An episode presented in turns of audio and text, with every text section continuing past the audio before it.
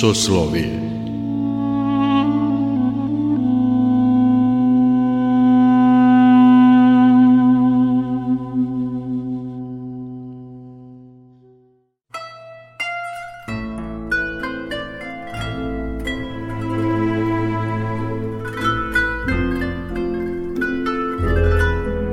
Slušate Soslovije, religijski nedeljnik Radio Novog Sada. Dobrodošlicu vam želi Mirjana Ranković.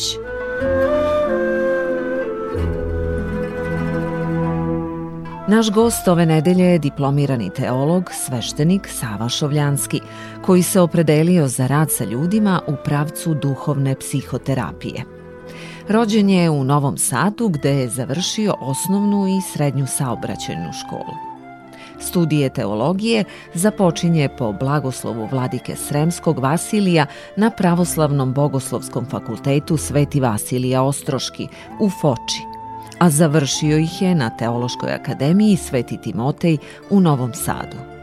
Godine 2020. prošao je nacionalno akreditovanu edukaciju za različite tehnike smanjenja efekata stresa kod dece i odraslih. Bavi se duhovnim savetovanjem.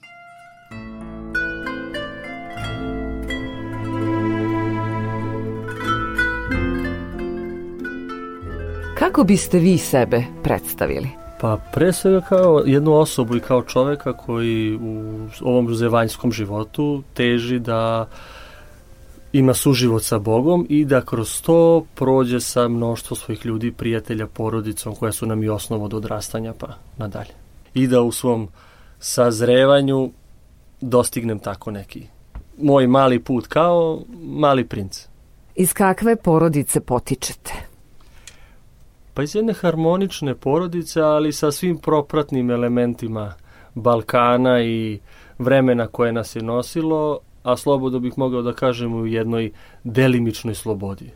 Šta je bilo važno vašim roditeljima? Koje su to vrednosti bile bitne njima i što im je bilo važno da vi usvojite? Pa ako bih mogao da se osvrne malo na eto, deset Božih zapovesti na sveto pismo i na, na uopšte duhovni pravac, uzeo bi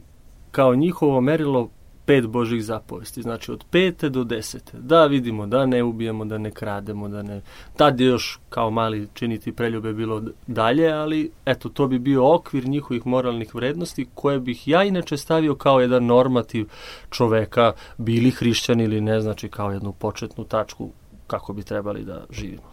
Da li su na vas možda uticale bake, deke, da li je bilo u vašem okruženju roditelja vaših roditelja? Na mene kao mene uticao jeste dosta očev otac, deda i neko ko je inače i primao sveštenika i ko je izbegao taj deo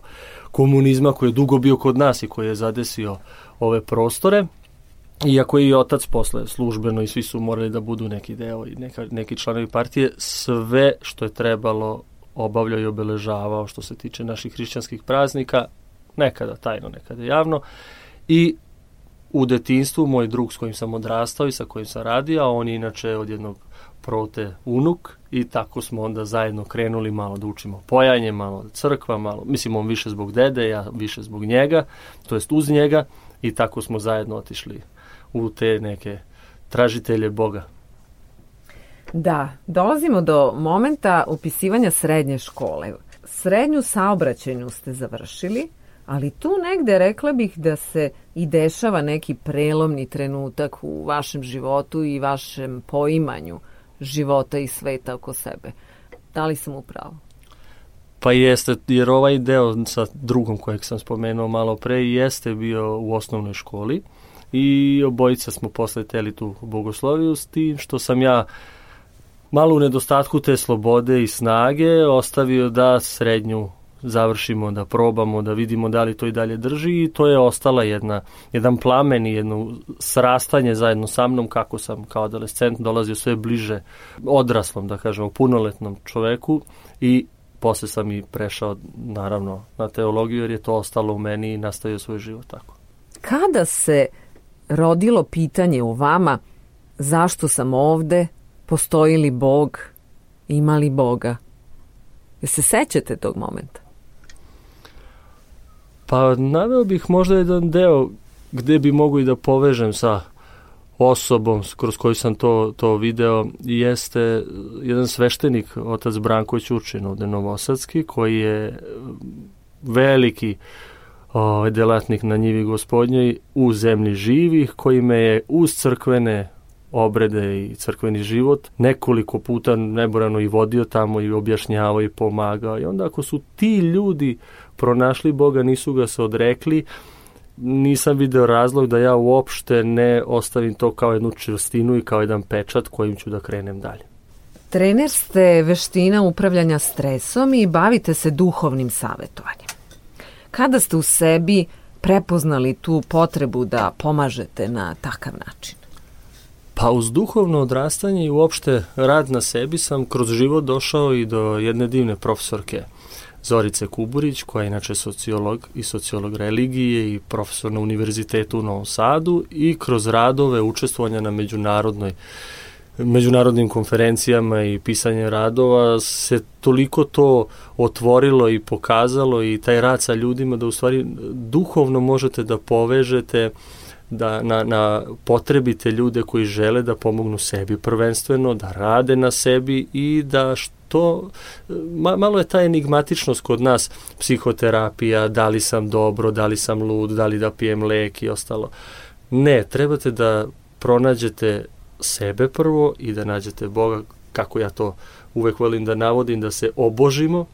i da radeći na sebi kroz religijski pravac i sve to dođemo, eto kao što sam ja došao, do jednog akreditovanog dela Ministarstva zdravlja, da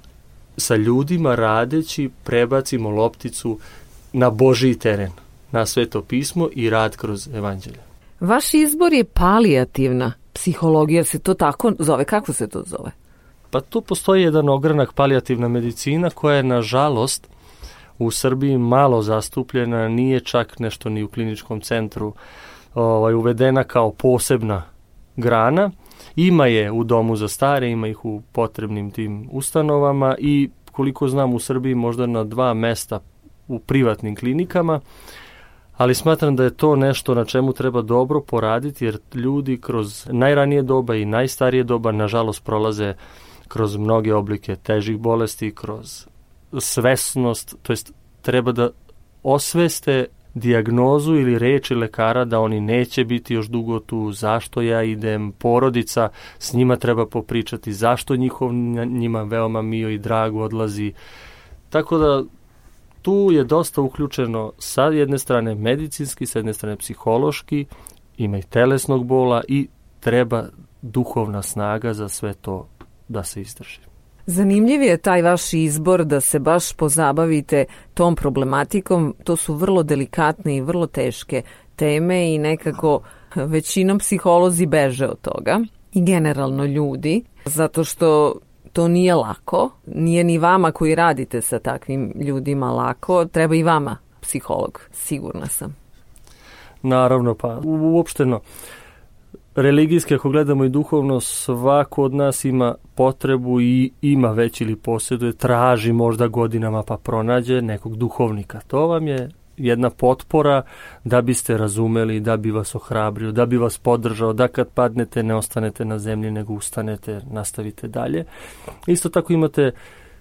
ko želi sa druge strane, na primjer psihoterapiju, gde možete da odete da radite na sebi, ali svesno znajući da, na primjer, i taj psihoterapeut ima svog supervizora ili prijatelja psihoterapeuta koji mu pomaže da i on ostane stabilan, da i on nekad razume, jer nema čoveka koji ne greši, a nema ni čoveka koji sve zna, pa da bi sada mi kada jednom završimo jednu etapu bili u tome najpametniji. Ne, čovek nije zreo čovek, po meni na primjer, nikada, on zri ceo život i do kraja svog života on je u procesu sazrevanja, učenja, oplemenjivanja i rada na sebi. Reku ste, na vas je uticao otac Branko Ćurčin i uticao je vaš drug iz osnovne škole. Ima li još Pa evo, mogao bi odmah da spomenem onda i kao svog duhovnika i kao nek, jednu ličnost, pre svega i kao čoveka i kao duhovno biće jeste prota Stanimir Popović, koji je bio sveštenik Saborne crkve Novosadske. On je sada u penziji i dalje u činu. Neko ko je od prvog dana i još kao đakon blažno počivše vladike Nikanora i današnjeg otišao u penziju sa vladikom Irinejem, jedna, jedan stub saborne crkve Novosadske uz kojeg sam ja naučio mnogo, koji me naučio poštovanju svih deset Božih zapovesti, vratio me na ono deo, idemo od porodice, jer smatram da od kuće dosta potiče, isto tako kao idete u crkvu, od matične crkve dosta potiče i onda vas sve to nadograđuje, vodi, e on je mene taj deo osnovne srednje škole držao za ruku i vodio da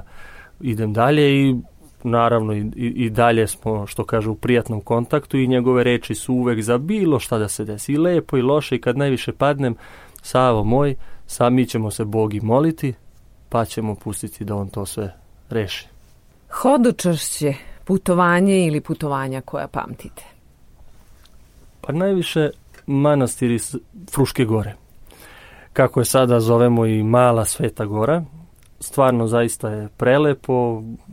i u zimskom periodu i od prvog cvetanja evo sada pa do, do jeseni svaki manastir ima posebnu draž, posebnu istoriju, posebnu jednu priču, svako je za sebe. Koliko znam, sada je 16 aktivnih manastira u eparhiji Sremskoj. Ja sam duhovno dosta uzrastao u manastiru Krušedolu i tamo sam kao carskoj lavri, kao jednoj predstavništvu Karlovačke mitropolije, eto, nastavio obilazak svih ostalih manastira i preporučio bi svakome, jer gde god sam bio i koliko god sam sveta prošao, ja im se vraćam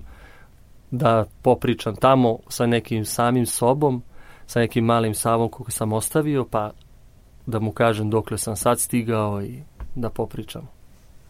Kojim knjigama se vraćate ili kojoj knjizi se vraćate? Pa najviše s vremena na vreme ispomenem i vratim se i preporučujem jeste mala, ne znam da li ima 30.000 reči, ali mali princ od Egziperija, znači možete vi sami sebe kroz one planete, kroz onaj put, kroz one ilustracije da pronađete, da rečenice izvadite. Mislim da je baš onako, da daje težinu jedan princ, kada uzmemo njegovu tu reč može da bude kralj, a opet je mali, a opet je princ. Znači, tera vas da razmišljate od najmlađeg doba do nekog ko će trebati da se kruniše pa nosi težinu ovog života,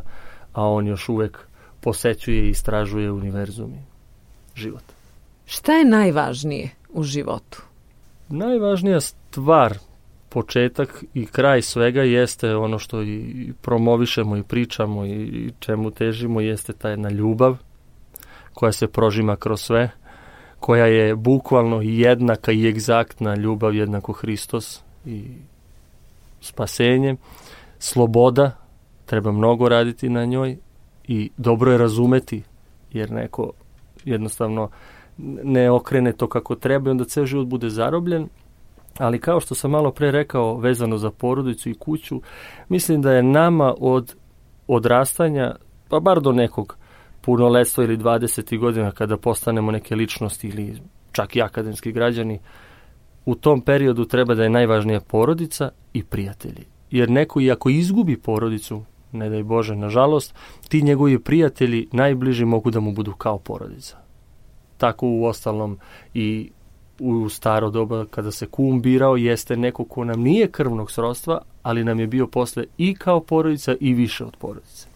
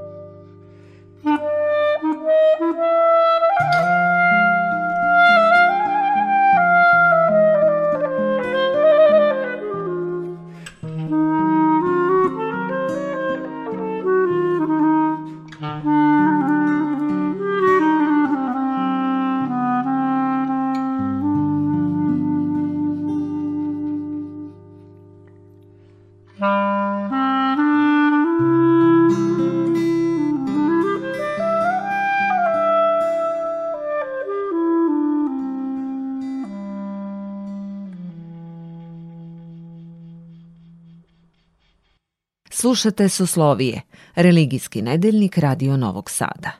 Naš gost je diplomirani teolog, sveštenik Sava Šovljanski, koji se opredelio za rad sa ljudima u pravcu duhovne psihoterapije. Zbog čega je autor Petar Jeknić za vas važan? Pa pre svega važan je kao i jedna ličnost kao psihoterapeut, kao neko ko se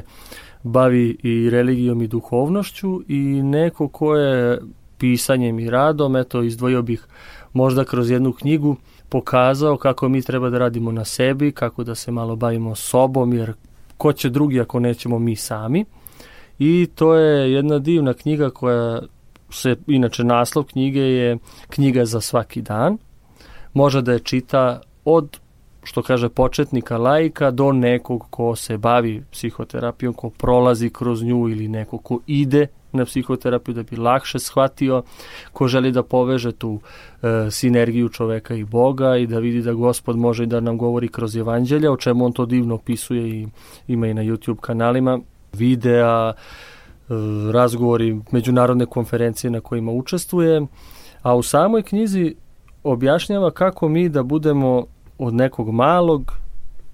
do nekog velikog u procesu razumevanja sebe, istraživanja, rada na svom egu, na svom idu, na superegu, da pravimo balans što je mnogo bitno, da jednu nazvao bih to XY nosu pa da vidimo tu sinusoidu koja nam se pojavlja u životu, ta amplituda kojom idemo i gore i dole. Kako sam ja to isto objasnio bio na jednoj konferenciji da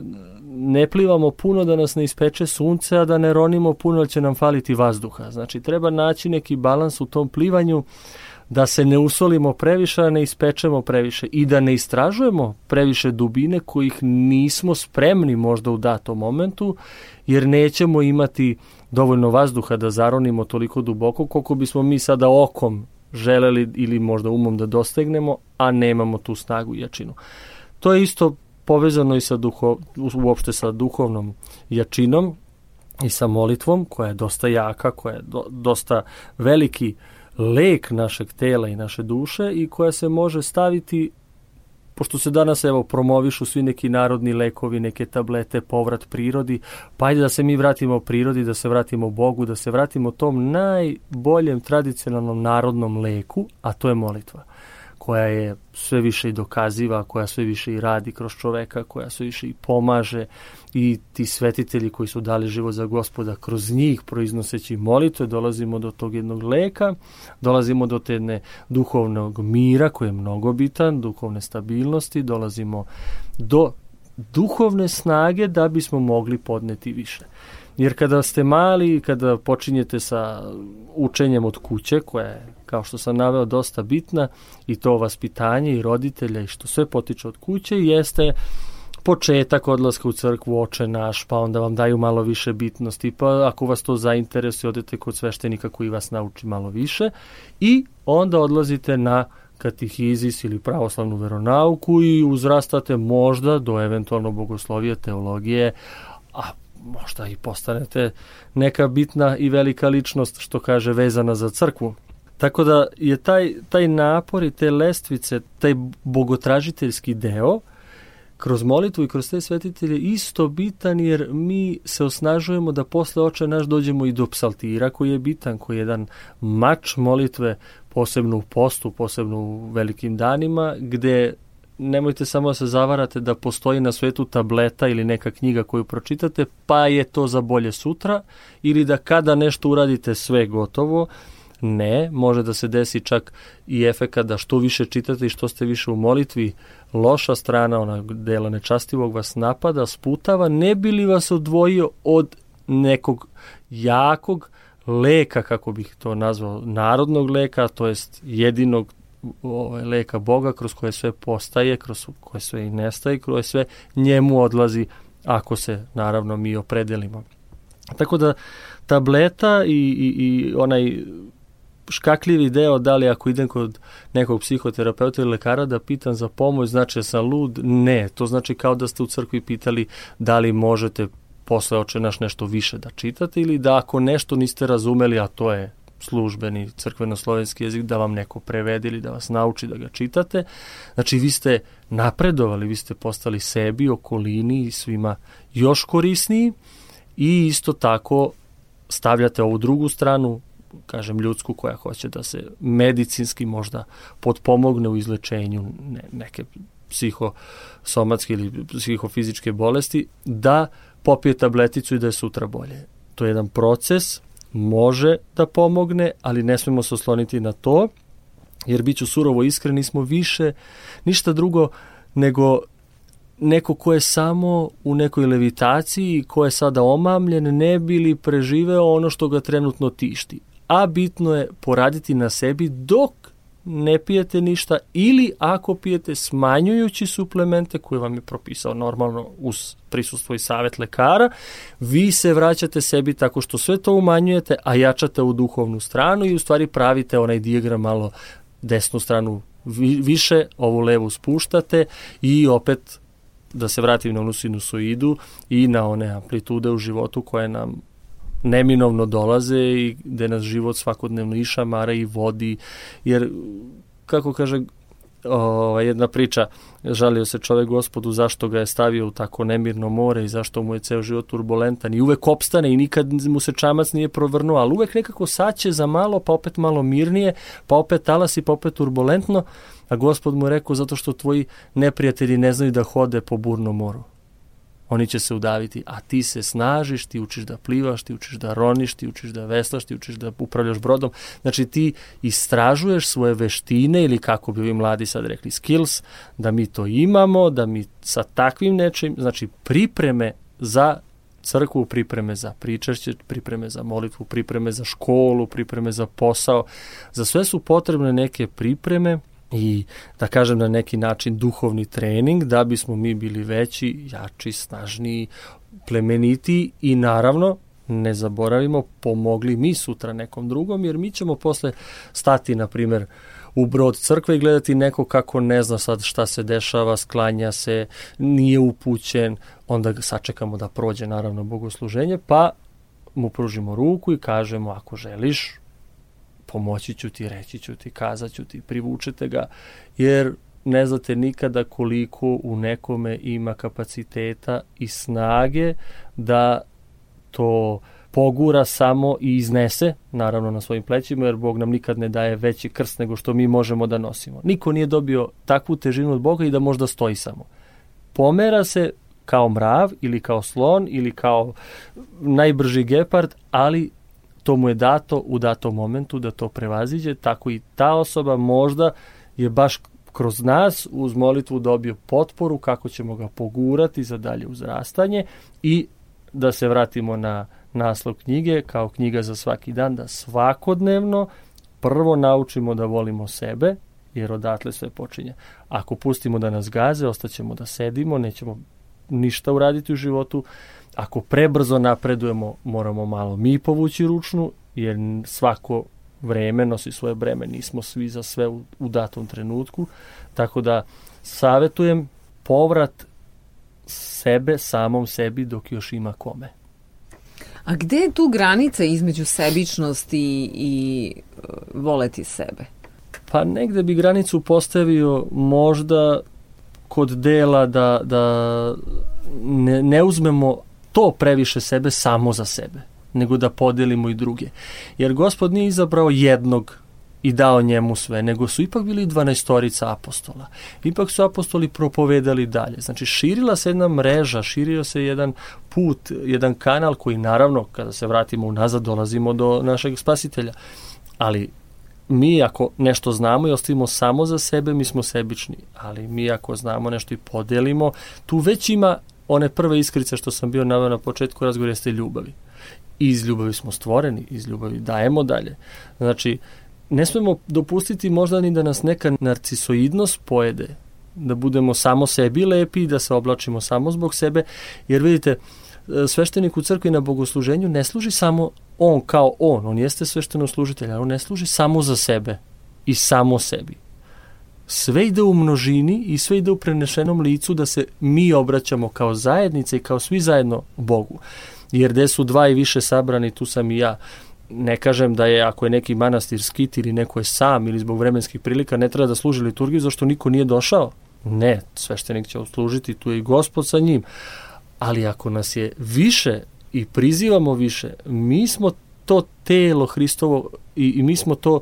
sjedinjenje s njim samim svetim pričašćem i noge koje hode po ovoj planeti, jer u svaki hram kada uđemo mi dobijemo jednu celinu telo i gospod nam je glava koja nas okruni toga momenta i priziva, što kaže, na, na, na sjedinjenje sa njimi, na oplemenjivanje, na duhovnu jačinu, na snagu po koju mi dolazimo da bi se i okrepili i ostali istrajani u veri.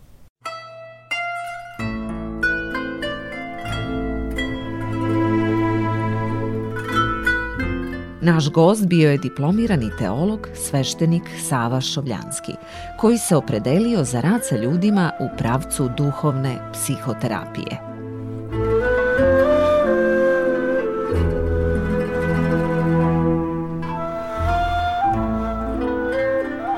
Soslovije realizovali Ton majstor Marica Jung, urednik i autor Mirjana Ranković. Emisiju nakon emitovanja možete poslušati i na media.rtv.rs Soslovije.